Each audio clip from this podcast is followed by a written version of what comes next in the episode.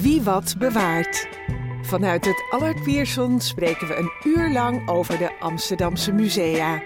Over de tentoonstellingen, de collecties en het werk van de conservatoren. Wie wat wil weten over kunst en cultuur in Amsterdam, luistert naar Wie wat bewaart. Een wekelijks programma van Amsterdam FM in samenwerking met het Allard Pierson. Vandaag presenteert Jeroen de Vries. Ja, welkom bij de uitzending Wie Wat Bewaart vanuit de studio van het Allard Pierson. Uh, we kijken weer uit over het Damrak vanuit de studio. En vandaag hebben we twee gasten die ons wat gaan vertellen over twee ja, nieuwe tentoonstellingen. Aangeschoven is Reinder Storm, conservator cartografie, geografie en reizen bij het Allard Pierson. Uh, hij kan ons alles vertellen over de tentoonstelling Open Kaart van Atlas tot Streetmap. Die op 2 maart geopend is ja, in het museum waar we nu zitten. Um, aangeschoven zijn ook vijf studenten die uh, Reinder meegenomen heeft. En uh, die zullen deze podcast moeten aanhoren op dit moment. Daarna praat ik met Daria Touminas. Zeg ik het goed? Ja. Zij is gastconservator bij FOAM, het fotomuseum op de Keizersgracht 609. Ze komt ons vertellen over de tentoonstelling uh, van de Zuid-Afrikaanse kunstenares Lebo Hang Kanje. Zesde winnares uh, van, het 16e, uh, van de 16e editie van het FOAM Paul Huff Award. De expositie heet Haufi Niana, I've come to take you home. En is geopend op 17 februari. Uh, dit gedeelte, het tweede gedeelte, vindt plaats in het Engels, in de Engelse taal. Maar eerst uh, even de expositie open kaart. Um, Reinder, een jaar geleden zat jij hier ook aan tafel bij de podcast Wie Wat Bewaart. Toen hadden we het over de geozone. Hè, daar heb je alles over verteld en het belang van ja, van Amsterdam voor, voor, voor de kaartdrukkerij. Um, toen kondigde hij al aan dat deze tentoonstelling, Open Kaart, um, zou worden gehouden. Hoe wist je dat? Nou, uh, Jeroen, ik kan je vertellen, voordat een tentoonstelling open gaat, daar gaan heel veel voorbereidingen aan vooraf. Dat uh, moet je uiteraard praktisch voorstellen van welke kaarten hangen we aan de muur en uh, waar hangen we die dan precies en hoe ten opzichte van elkaar. Maar uh, nog daar weer aan vooraf gaat uh, gedachtenvorming over uh, conceptontwikkeling, keuze voor een, voor een invalshoek. partners erbij betrekken die je meehelpen bij het uit, doen uitkristalliseren van zo'n concept. En dat begint dus allemaal heel ruim van tevoren. Maar wat is de aanleiding van deze, van deze tentoonstelling? Heel goed dat je dat vraagt. De aanleiding is het 150-jarig bestaan van het Koninklijk Nederlands Aardrijkskundig Genootschap. We spreken in de wandeling kortweg van het KNAG. KNAG is opgericht formeel op 3 juni 1873. Maar de vergadering waarin is besloten tot die oprichting, die vond plaats op 2 maart 1873. En dat was eigenlijk de reden om de opening van de tentoonstelling met deze aanleiding te laten samenvallen met die uh, 2 maart. Dus dat is de aanleiding. En je vraagt nu naar de, naar de voorbereiding of nou, hoe wist je dat zo van tevoren? Kijk, ik, ik werk hier nu sinds uh, de zomer van 2014. Um, wat ik op dat moment toen ik kwam solliciteren eigenlijk nog niet goed wist... is dat dat aardrijkskundig genootschap al in 1879, dus zes jaar na de oprichting... een collectie kaarten en atlassen in bruikleen heeft toevertrouwd aan de Universiteit van Amsterdam. En uh, daarom is er ook is er altijd een sterke band blijven bestaan tussen dat KNAG en de UvA. Omdat uh, die collectie die bevindt zich hier nog steeds. En die is in de loop van de tientallen jaren enorm uitgebreid, aangevuld, gegroeid, uitgedijd. Uh, en, en, dat is eigenlijk een tweede reden waarom die tentoonstelling is georganiseerd. De aanleiding om het nu te doen is dus dat jubileum. Maar de echte reden om het te doen is om die collectie een keer onder de aandacht te brengen. Ja, uh, uh, mooi. Die, die, ja, een collectie van, ja, nou, haast 150 jaar, iets minder, uh, zei je net. Um, maar wat is dat knag eigenlijk? Wat, wat, wat, hoe, is dat tot stand gekomen? Nou ja, die, die mensen die toen bij elkaar kwamen, hè, 2 maart in een bovenzaaltje in de Kalverstraat, nummer 122, lokaal Diligentia. die, die kwamen eigenlijk, dat, dat waren aardrijkskunde docenten. Uh, en je moet goed begrijpen, het vak aardrijkskunde had een impuls gekregen door de oprichting van de HBS.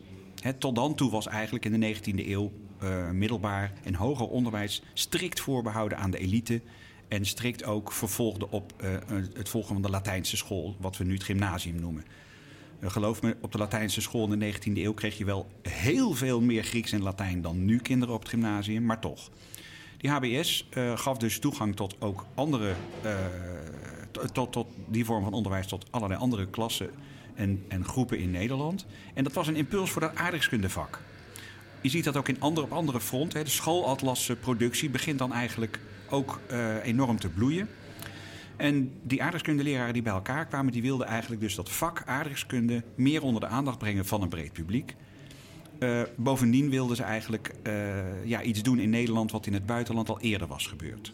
Er was al een Royal Geographical Society in Engeland en in Amerika en een Société Géographique Royale of Nationale in Frankrijk natuurlijk. En in Nederland kwam wat dat betreft eigenlijk een beetje achteraan hobbelen. Maar uh, dit soort mannen die weten dat natuurlijk en die wilden dat in Nederland ook doen. Ik zeg er wel meteen bij, uh, aardrijkskunde alleen was niet de, uh, het exclusieve doel. Het ging ook heel sterk om meer oriëntatie op, laten we zeggen, de voormalige overzeese gebiedsdelen en hè, de koloniën. En het aspect van exploitatie zat daar al dan niet expliciet heel duidelijk onder. Ik zeg wel eens uh, schertsend, hè, van het was een groep witte mannen die expedities wilden uitrusten naar ver afgelegen gebieden in de wereld. Uh, dat was het ook. Uh, maar ik denk die exploitatie van, van koloniën speelt er een duidelijke rol bij. Ik, ik praat misschien heel lang achter elkaar, maar ik zeg er wel even bij: dat knacht bestaat nog steeds. Nu is het een ander soort organisatie. Het is nu een beroepsvereniging van iedereen die op een of andere manier bij aardrijkskunde betrokken is. Veel docenten zijn dat. Uh, maar verder iedereen die in uh, ja, alles uh, is geïnteresseerd in alles wat te maken heeft met de inrichting van het land. Maar ook die geïnteresseerd is in kaarten. Nou ja, dat, dat is een mooie aanleiding om dit te doen. En nou, jullie van de universiteit hebben heel veel van die kaarten heb je dus in, in bezit. Heel veel, heb je mij ook verteld. Dus de vraag is, hoe maak je zo'n selectie dan? Ja, dat is. een tentoonstelling. ik zal je eerlijk zeggen dat ik daar werkelijk uh, slapeloze nachten van heb gehad. Omdat ik dacht. Uh, kijk, een keuze maken op zich is misschien niet zo moeilijk. Maar je hebt toch het gevoel dat je de beste keuze moet maken. En ik, ik zou werkelijk niet durven zeggen dat ik daarin ben geslaagd. Want ja, ik, ik heb verder. Er liggen hier 150.000 kaarten en 6.000 atlassen. Daar heb ik uiteindelijk maar een fractie van gezien. Uh, ik heb wel een keuze gemaakt waarvan ik denk, nou, hier kunnen we wel een, goed verhaal mee vertellen. En dat verhaal, dat concept, dat is eigenlijk heel erg belangrijk geweest voor het maken van de keuzes die we uiteindelijk gemaakt hebben. En de mensen die dus als vak hebben het maken van tentoonstellingen, uh, die hebben daarbij wel een belangrijke rol gespeeld. Want dat je iets van kaarten weet is fijn en dat helpt ook wel.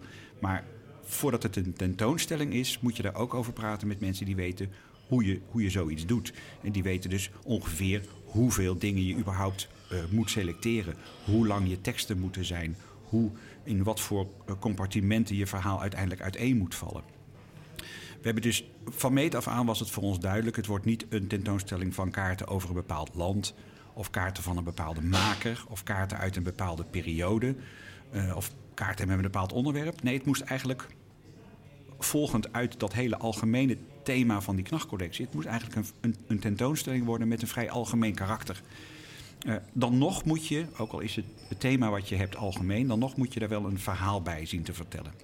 En uh, wanneer dat kwartje nou precies gevallen is, dat weet ik niet meer. Maar wat wel een bron van inspiratie was, was een, uh, een gegeven dat voor heel veel mensen opgaat. Namelijk dat je jezelf op enig moment ziet als het middelpunt van het universum. Uh, zeker als je wat ouder wordt, dan, dan, neemt dat besef misschien een beetje af. Maar op een bepaalde leeftijd uh, zijn mensen daar uh, gevoelig voor. En dat uitzicht bijvoorbeeld doordat je voor in je aardrijkskundeboek schrijft, of in een ander boek, hè, je naam, en dan je straat, en dan je stad, en dan je provincie, en dan je land, en dan je werelddeel, en dan de aarde, en dan het heelal, en dan het universum. Je zoomt uit. En, en als je dat al niet een keer in de praktijk hebt gedaan zo, dan herken je dat beeld wel. Ik ben heel blij dat we een mooi citaat hebben gevonden in een beroemd boek van James Joyce, Portrait of the Artist as a Young Man. Die doet precies dat en die schrijft dat op. Uh, en dat hebben we als een soort van motto bij de tentoonstelling, zodat mensen beseffen van, oh, dat, dat, dat is dus het, althans, dat, dat hopen we dat ze dat beseffen, van dat is dus de leidende gedachte. En dat, heb, dat krijgt dan vorm doordat je, uh, de, één voor één hebben de zalen een thema dat, dat hierbij aansluit. En omdat je in Amsterdam bent, als je de tentoonstelling betreedt, is de eerste zaal gewijd aan Amsterdam, en de tweede aan Nederland, en de derde aan Europa, en de vierde aan de wereld met een excuus aan Govert Schilling, het heelal en de sterren hebben we overgeslagen. We, we maken dan een beetje de afslag naar Nederlands-Indië, Suriname, Antillen. Omdat dat ook een heel duidelijke weerspiegeling is van het materiaal in die knachtcollectie. Ja, dus uh, de, de, zo is de tentoonstelling uh, opgebouwd. Uh, als we eventjes door de tentoonstelling lopen, we beginnen dus bij Amsterdam. Wat, wat, wat kunnen we daar verwachten? Nou, het belangrijkste, denk ik, wat je kunt verwachten... is een, een kaart van, uh, van Berkenrode... die hij gemaakt heeft in 1625.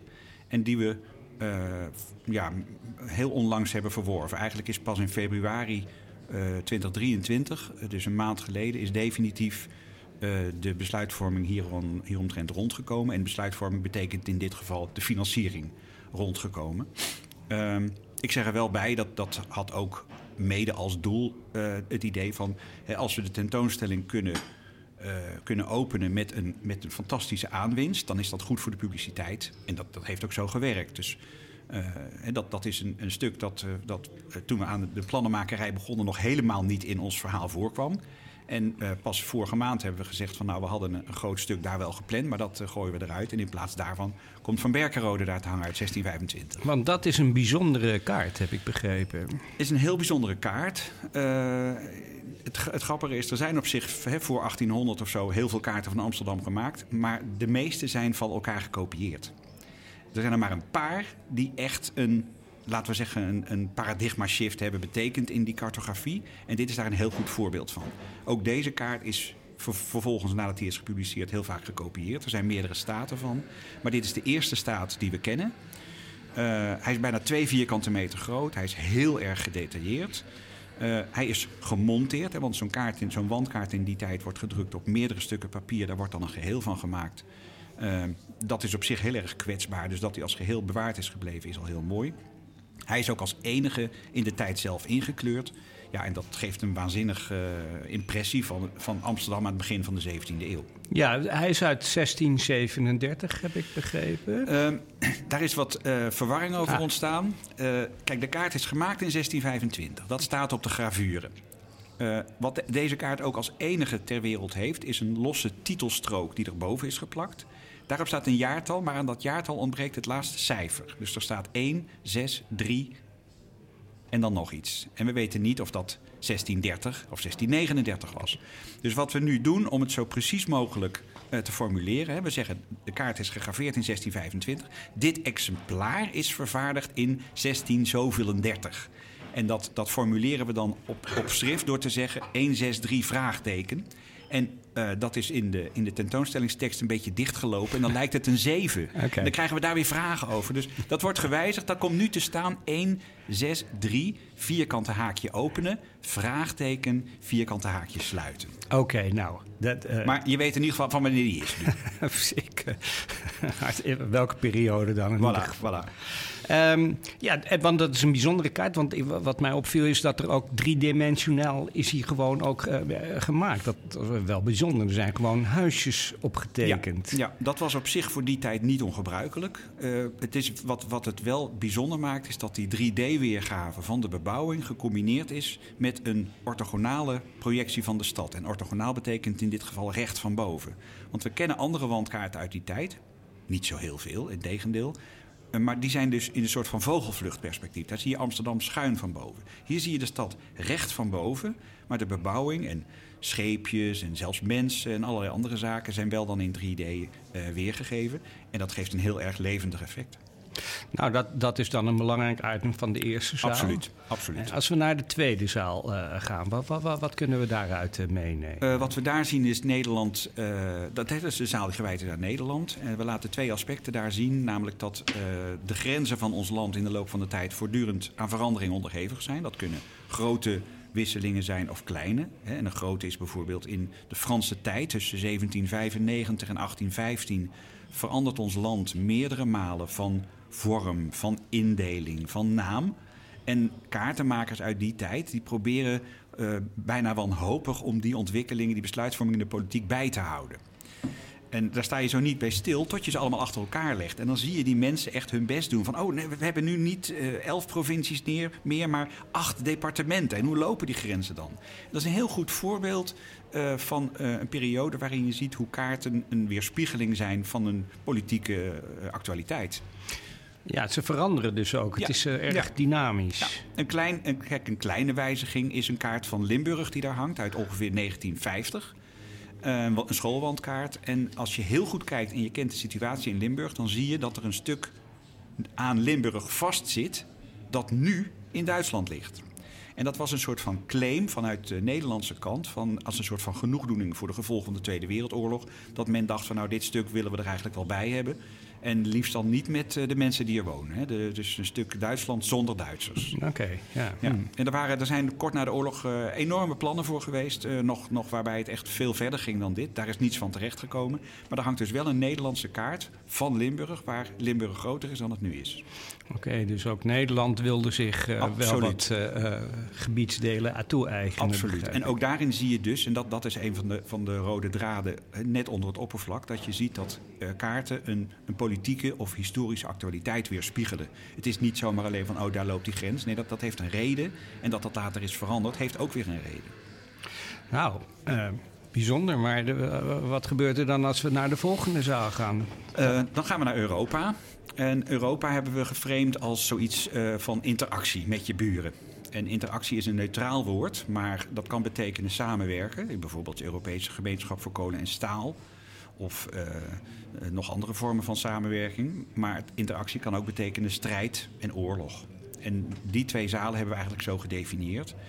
En met name in oorlog is, uh, wordt de aandacht sterk getrokken door een, een hele wand die volhangt met zogenaamde karikatuurkaarten. Of cartoonkaarten, spotkaarten. Ik denk dat dat soort dingen nu niet meer gemaakt zouden worden. Die dateren uit eind 19e en begin 20e eeuw. Die hebben betrekking op de Frans-Duitse oorlog in 1870 of de Eerste Wereldoorlog. Maar ik kan me nu eigenlijk niet meer voorstellen dat iemand het in zijn hoofd zou halen om een kaart te maken die als titel heeft humoristische oorlogskaart. We vinden de oorlog eigenlijk allemaal niet echt humoristisch meer. Ik denk dat dat komt omdat we in de loop van de 20e eeuw steeds duidelijker een beeld hebben gekregen van wat er nou echt op dat slagveld gebeurt. Ja, maar, maar als ik naar die kaarten kijkt en het ook een soort propagandakaart. Absoluut. Afhankelijk van wie het gemaakt heeft. Absoluut. Dat geldt in zijn algemeenheid voor kaarten. Dat ze een weergave zijn van machthebbers of mensen die invloed willen uitoefenen. En die uh, ja, een beeld willen schetsen van zo is het nu volgens mij. En ik denk dat dat letterlijk tot op de huidige dag doorgaat.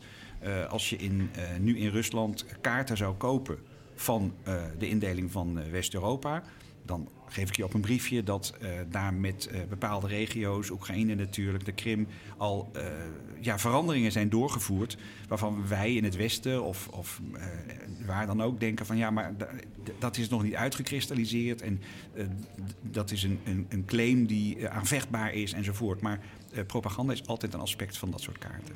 Ja, terwijl je eh, denkt, als ik dan even terug... een, een kaart moet uh, nou, wetenschappelijk zijn, denk ik dan. Het moet uh, exact zijn. Ja. En, maar dat is het dus niet altijd. Afhankelijk van wie het gemaakt exact, heeft. Exact, precies. Afhankelijk van wie het gemaakt heeft, ja. ja. Dan gaan we naar uh, de volgende zaal. Ja, dan, dan betreden we de zaal waar we dus eigenlijk de hele wereld behandelen. Uh, dat is uh, wel heel ambitieus gezegd natuurlijk. Maar ja, je kunt, je kunt de wereld ook op talloze manieren voorstellen. Uh, bovendien, uh, wat, wat tot de verbeelding spreekt, is om te zien hoe mensen dat bijvoorbeeld aan het eind van de 16e eeuw deden. Toen waren ze al wel om Zuid-Amerika geweest, om Afrika geweest. Ik zeg even bij, dit is altijd vanuit westers perspectief geredeneerd.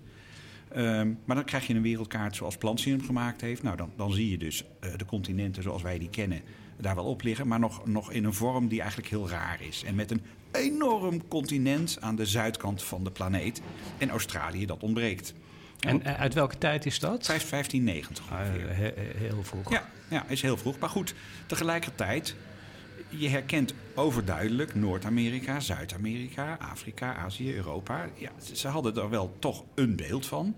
En het klopt niet helemaal, maar ja, voor die tijd, met de middelen die ze toen hadden, vind ik het betrekkelijk accuraat. Ja, want die informatie die ze daarvan kwamen, die kwam natuurlijk van de zeevaart, neem ik aan. Ja, inderdaad. Van alle tochten. Dus Ja. ze hadden ingetekend wat ze gezien hadden. Ja, daar gingen mensen mee die eh, specifiek waarnemingen daarvoor deden. Kijk, ze, ze konden zich op, op de maan en de sterren enzovoort konden zich prima oriënteren. Eh, en vervolgens werd er dan aan land bepaalde metingen verricht en waarnemingen gedaan. En naarmate je meer van die gegevens hebt en je dat beter met elkaar kunt combineren, eh, wordt dat kaartbeeld beter. Je zou, je zou denk ik wel eens een animatie kunnen maken van de vroegste wereldkaarten tot nu aan toe. En die zie je dan uiteindelijk steeds preciezer worden. Ja. Dan gaan we naar de volgende zaal. En dat is het koloniaal verleden. Ja, dan stappen we Nederlands-Indië binnen. Eh was van meet af aan ook duidelijk dat we daar veel aandacht aan wilden besteden. Omdat dat eh, het wingewest was in die tijd. Eh, Nederland heeft in de 19e eeuw ongelooflijk geprofiteerd van de exploitatie van die kolonie. Het cultuurstelsel, zoals dat in Nederlands-Indië werd onderhouden, heeft de staatskas geweldig veel opgeleverd.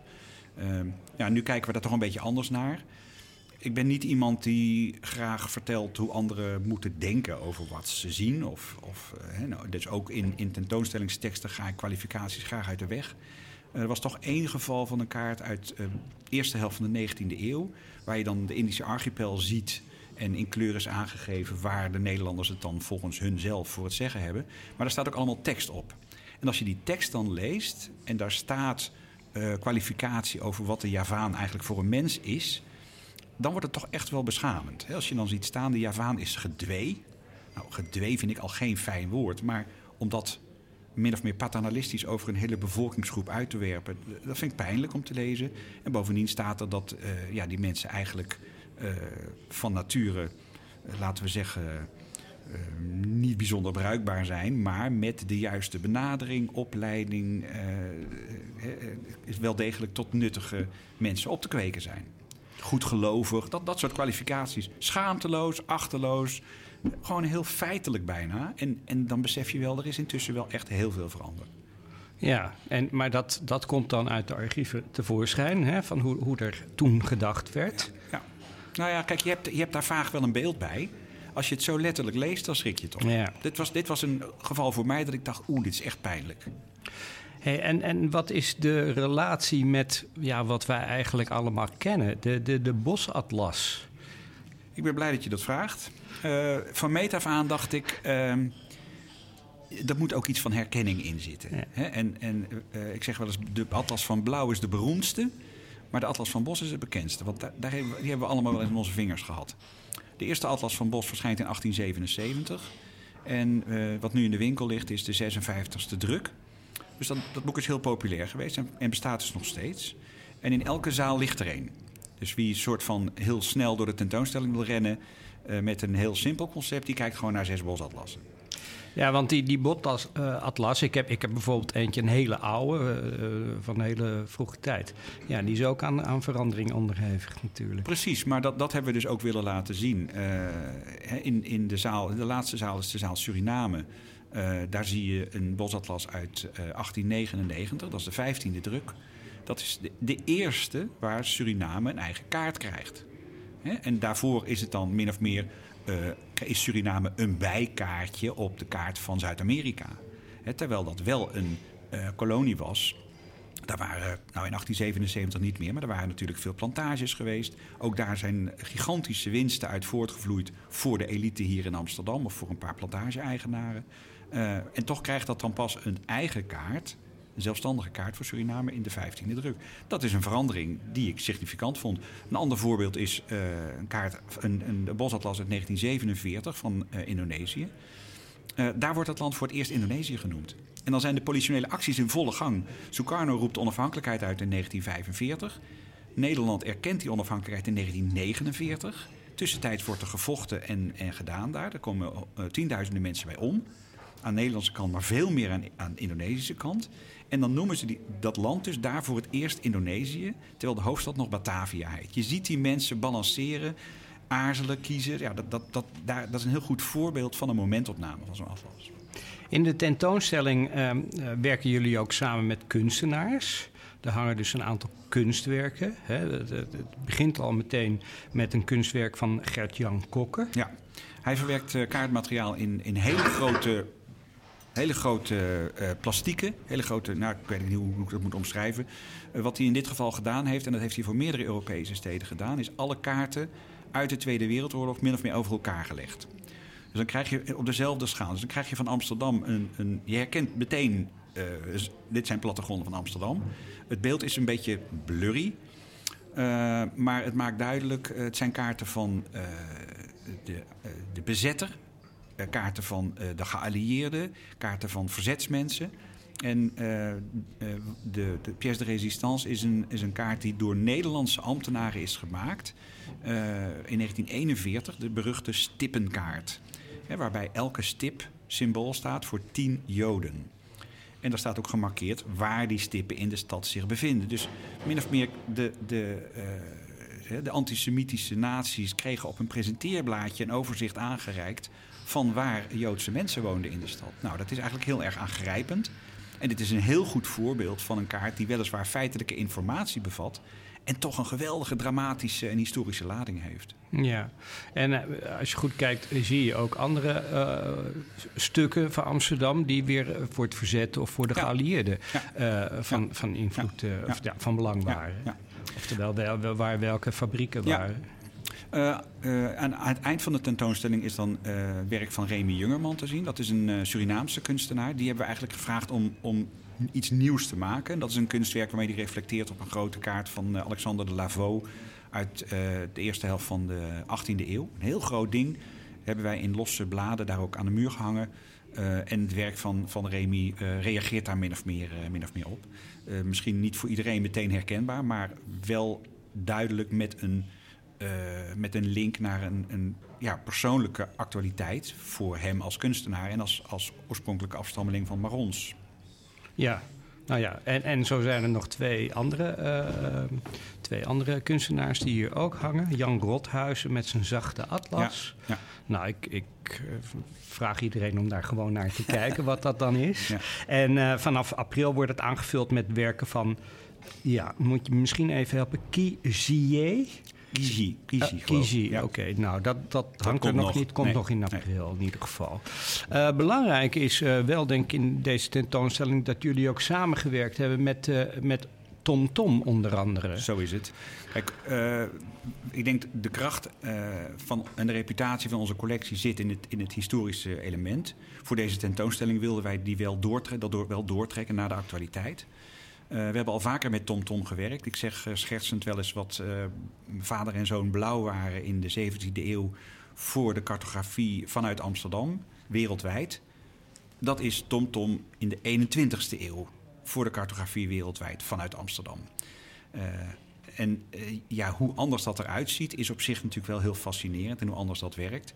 Eh, tegelijkertijd roept het ook herkenning op, omdat we natuurlijk allemaal nu dit soort applicaties op onze telefoon hebben en bij elke soort van toepassing dit soort cartografische informatie eh, gebruikt wordt. Ja, want hier wordt eigenlijk het heden van de cartografie eh, getoond. En ook de toekomst. Er is hier een, eh, een zaal, even apart van de tentoonstelling, waar een film wordt getoond. Waar jij overigens ook in voorkomt.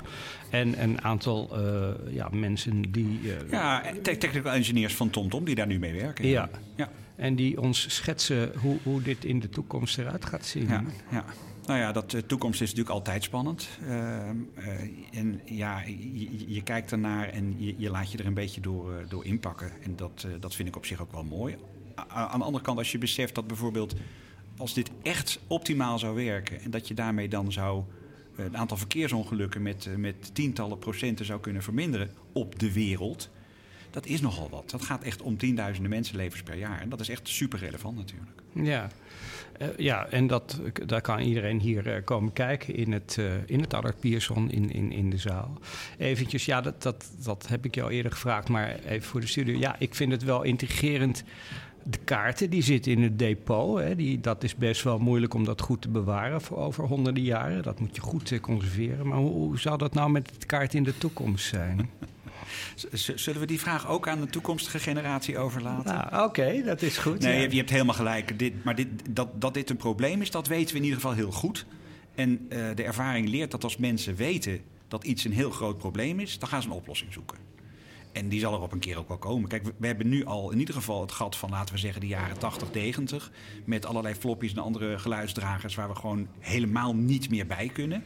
Mensen die nu dus allerlei slimmigheid zitten te ontwikkelen, die, die nemen dat besef alvast in hun plannenmakerij mee. En dat vind ik dan wel weer een beetje geruststellend. Oké, nou dat, dat is fijn.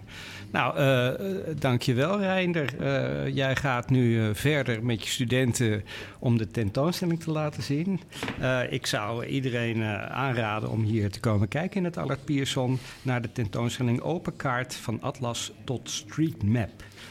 Nog tot 16 juli 2023. Oké. Van harte Ja. welkom. Oké, nou dankjewel. Dankjewel. En eh, dan gaan wij eh, verder met eh, Daria Tami. Dominas. Tominas, sorry. Dat is altijd moeilijk. Terwijl er misschien nu wat gestommel eh, zal zijn, maar eh, daar komen we wel overheen. Um, we, uh, we, we're going to talk in, uh, in um, English because uh, that's uh, more convenient to you. Uh, but you understand Dutch, so that, that's good too. You, you could understand what, uh, what uh, Reiner was telling, no? Yes, absolutely. Okay. Mm. Well, was interesting. Um, we are going to uh, talk about uh, the uh, exhibition in Foam, the photo museum, um, about the artist Lebohang Kanye. Do I speak it? Uh, Kanye. okay, Yeah. no, no, not so not so bad.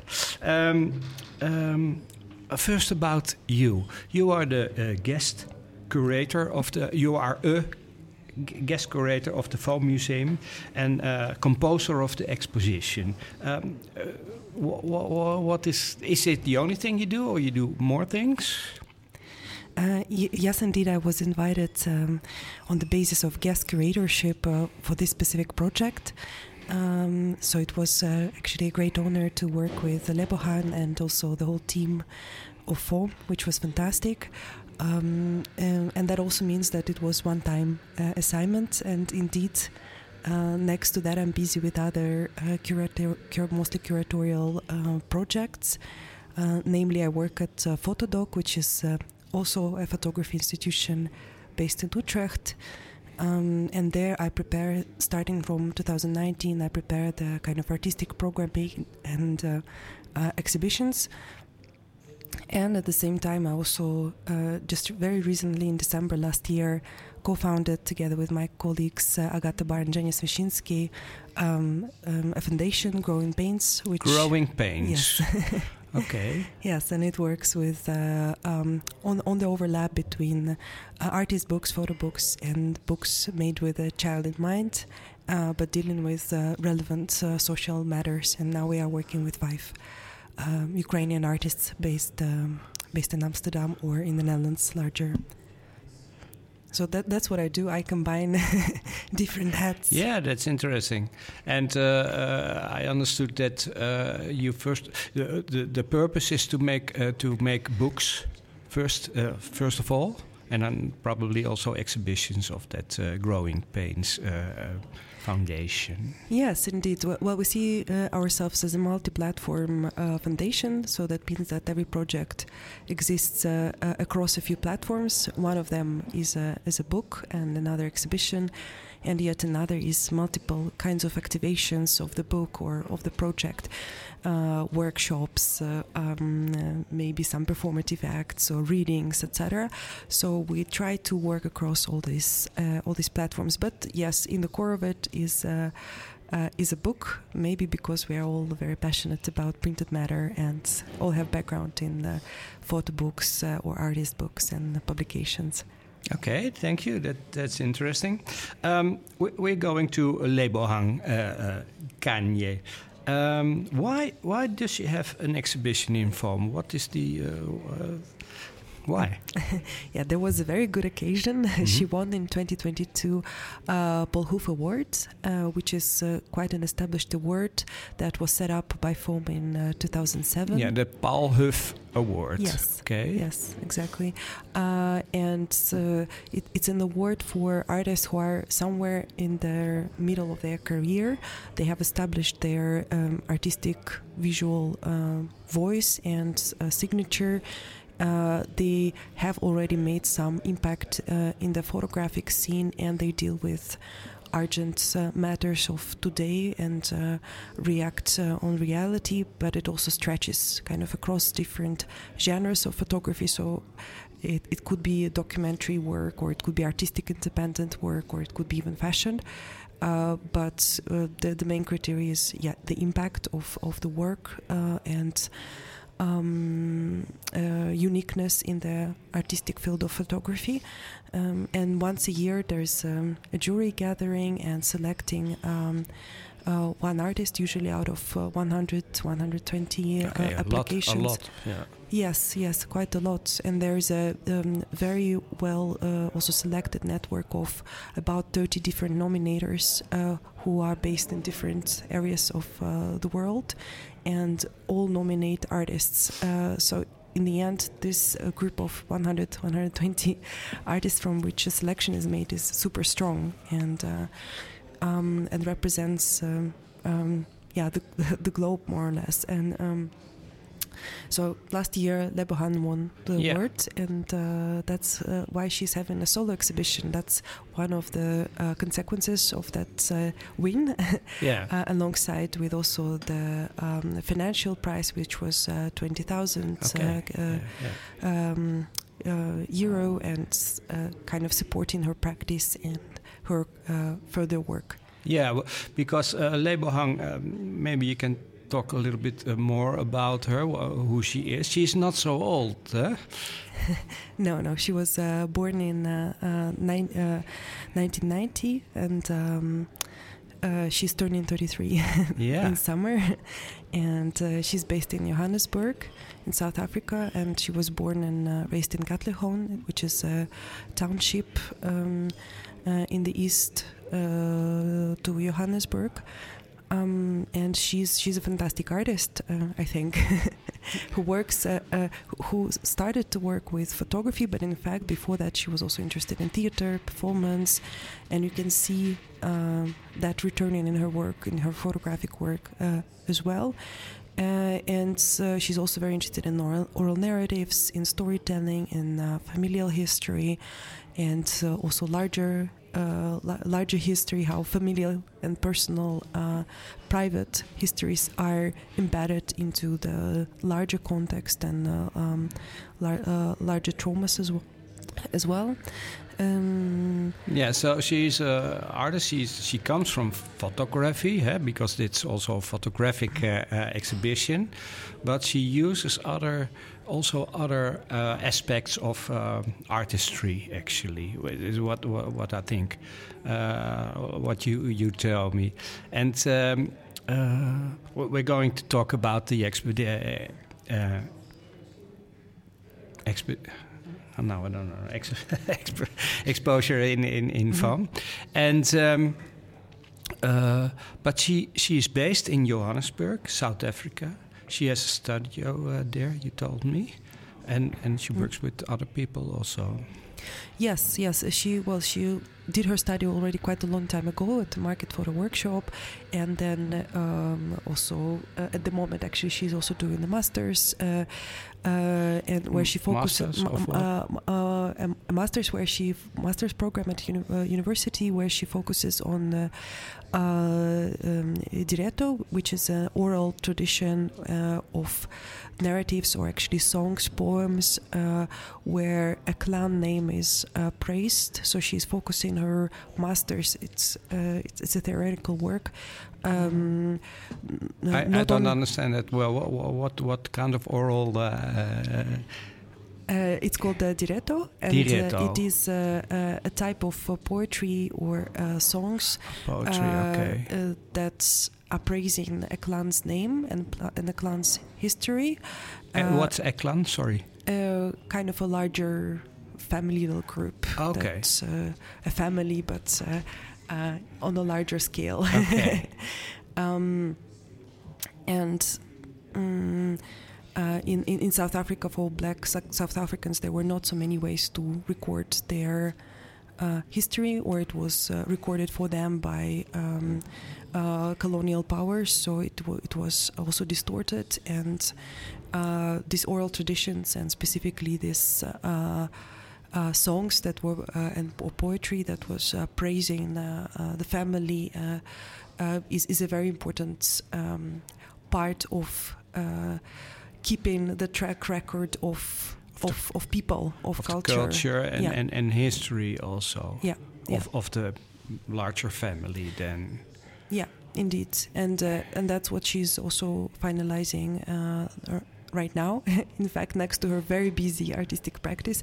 But i'm uh, uh i'm uh, um, quite astonished by how she's uh, going in depth, in the theoretical depth. And I, I read uh, part of the masters that she sent me. Okay. Uh, and she goes in in quite some depth of. Uh, uh, understanding this oral tradition, and it's quite interesting because her work is very visual, but it is based on stories. It is based on uh, um, what she collects in multiple interviews across the country from her uh, family members. So they tell her how um, their life was also during uh, apartheid period or in the aftermath of it or or now. But she um, very carefully collects those interviews and stories and bases her uh, visual work on, on them. So yeah, that's what she does. Eh? She mm -hmm. she that's what. Uh, she's not only a photographer she makes she combines it with with with the stories then. And you can see that also in the ex exhibition how she does that. Yes yes. Well she translates them into the visual works. So you cannot read them as directly as a, as a stories as if you were reading a book of course. But you can uh, uh, if you are a careful looker you can reconstruct some of the some of the realities in in the visual works yes and of course there are always introduction texts uh, next to the work so you also can get a hint on the, um, what it's about. Yeah, it's based on stories. You can you get some background information, but the stories are not told there. You have to make them yourself. Uh, yes, uh, in, in the exhibition. Indeed, actually, we talked a lot with uh, Lebohan about it, and uh, uh, that's true. She prefer it's her source material, uh, it's what she stands on, it's her grounds, but then she. The actual work is visual, so she translates translates the stories into into the uh, visual stories, let's say. So it would be maybe a bit tautological to to have both uh, both present. Uh, but maybe I should mention that she doesn't only collect the stories, uh, but also uh, photographs, photographs uh, from family albums, from family collections. Um, uh, and that's also a very important source material because then she also uses them uh, in her installations and also same as the stories same as the words she kind of translates them into the next um, forms uh, and they and, and, and they serve as a kind of material that she uh, then um, uh, yeah uses in in her constructions. Yeah, well, that's interesting because this this podcast is named Wie wat bewaart, mm -hmm. who keeps uh, something, and die, she she she looks for things who, who, who were kept in, in in the family in the larger family and uses them again. Yes, yes, that's true. That's true. Well, that's uh, well, that's interesting. But because if we go to the exhibition, what what what can we see there? How how does she make these stories into something you can see? Mm -hmm. uh, oh. Maybe we go to the first. Uh, uh, uh area. Uh, to the first room. yeah, first room. Let's enter the first room. So. Yeah. uh, in total, there are four, by the way. And uh, you enter with a work that is called Mahaka Medivatora uh, from 2018. Uh, and I think it's quite a good uh, work to introduce her practice because. Um, uh, well, first of all, it's called, uh, uh, if you translate it from Sesotho, one of the 11. It's a Sesotho uh, language? Uh, yes, a Sesotho okay. language, uh, one of 11 official languages in South Africa. And if you translate it, then it means a lighthouse keeper. Mm -hmm. And actually, Kanye, her surname also means, translates as light. Um, so it I think this uh, I think it's a work about um, herself and her family, and also uh, um, the life during apartheid period, where families were divided and where men had to uh, work in uh, in the cities and live in um, um, mostly uh, men-populated hostels, while um, women had to stay with families in uh, uh, rural home land, and basically families were divided artificially, and um, mm, you can see that in the installation. You can see um, basically three scenes. Um, in a farmland and uh, in a township. Uh, uh, um, the, each scene recreates a family uh, situation or or or, or scene where one is on the farm and you can see cows and you can see the aunt of uh, Lebohan and uh, who was becoming uh, a bride and actually the cows were um, given by the family of her future husband to, uh, uh, on the wedding day. So uh, actually, she was telling the story with a, a lot of uh, uh, pride. So you see a bit of references to to to to, to this story in the scene, and the other scene is uh, scenes represent the township uh, um, outside and inside uh, uh, a township. And what do I mean by a scene? Uh, a scene is basically an installation constructed out of separate pictures, pictures that Lebohan found in photo albums of her relatives, and pictures that she took herself also in the during her trips and in the surroundings. So it's kind of a recreation of. Um, a story on one hand but also a recreation of this divide between family members and the move to the city as well. Um, uh, and, and, and it's three dimensional, eh? Yeah, yeah. So the pictures are standing on uh, some sort of stands, wooden stands, and uh, they are quite spacious and they occupy the first big room. And you can also go through them. Uh, um, and uh, feel yourself also maybe a little bit part uh, of the story. Part, part of the story, but also it's it's quite uh, again it's quite spacious and voluminous, and the idea is also to reminiscent the busy streets of Katlehong and this kind of forced intimacy that that uh, was present there. Katlehong is a city where, where they it's lived. It's a township, uh, uh, township. To, to, the east of uh, Johannesburg. Okay. yeah. That's where they lived. Yeah, yeah, yeah. yeah. So it, it reminds a bit this um, uh, township structure, and you're a little bit entering this. Uh, um, intimate environment of families. Okay, and then we go to the second room. Uh, mm-hmm. What do we see there? Uh, in the second room, uh, we see something quite opposite. In the first, there were uh, there was almost like a scenery set up, um, in, and in the second, we zoom in on. Uh, uh, portraits, almost portraits of some of her family members, but these portraits are very special. They are actually patchworks um, yeah, they're not photos. they're they're yeah. patchwork. They they get uh, with the needle and, and, and thread. Yes, indeed, and some some glue too. Uh, ah. But uh, uh, but what is a photo? a photograph. Where where is it? Is it in a negative? Is it in a digital file? Is it uh, in the print? Is it uh, uh, on your phone or or where where can you catch the photograph? that's another question. So I think she catches a photograph in the patchwork.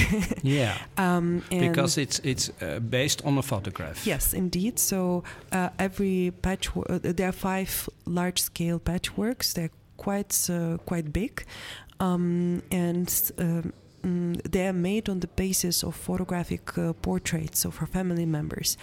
And those photographic portraits, they also come from this collection of uh, images she gathered during her many field trips. Um, and uh, some uh, and it looks almost like a gallery of honor uh, with huge figures um, on huge pieces um, and uh, they look quite monumental and they all are isolated as well the, in the original photographs sometimes they come from uh, a group picture family or from picture, a yeah. family picture or from a studio portrait um, with floral background or something like this but uh, she isolates the figures and just um, uh, brings them into into this uh, um, uh, neutral kind of uh, uh, background.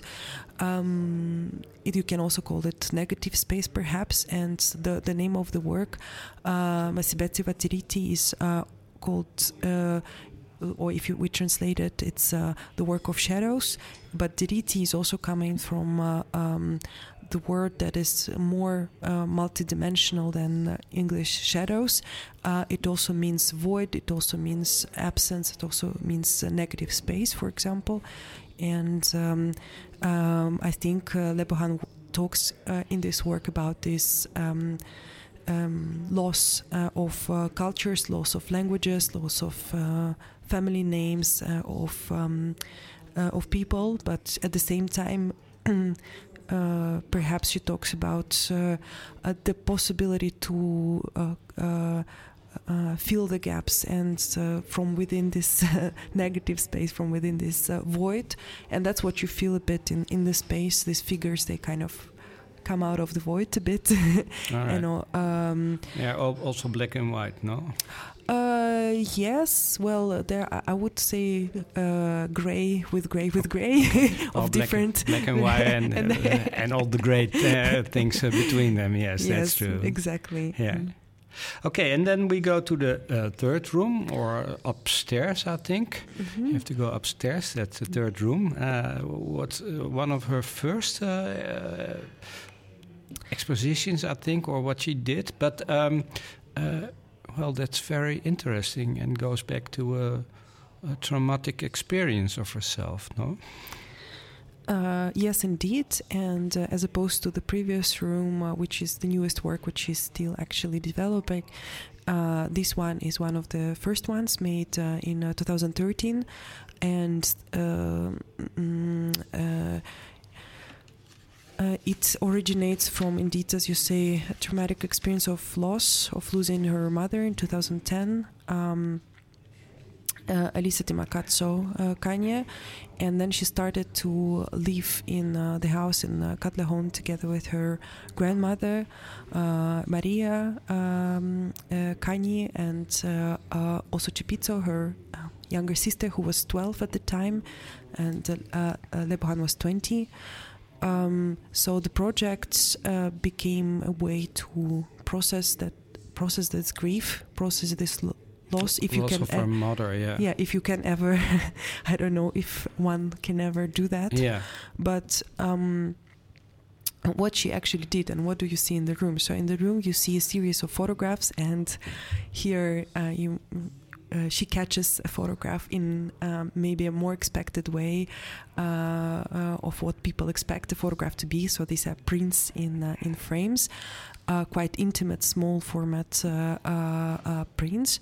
Um, uh, uh, and you can see in some of them the pictures uh, of uh, Lebohan herself dressed as her mother um, in clothing that she preserved from her mother and in other pictures you see actually the the pic- the photographs of her mother uh, in this clothing in these positions that she recreated uh, and also she inserts herself in uh, via Photoshop um, into this um, archival picture too. So uh, basically, you see Lebohan as uh, the ghost of uh, of her own Yeah. mother in, in this picture. Yeah.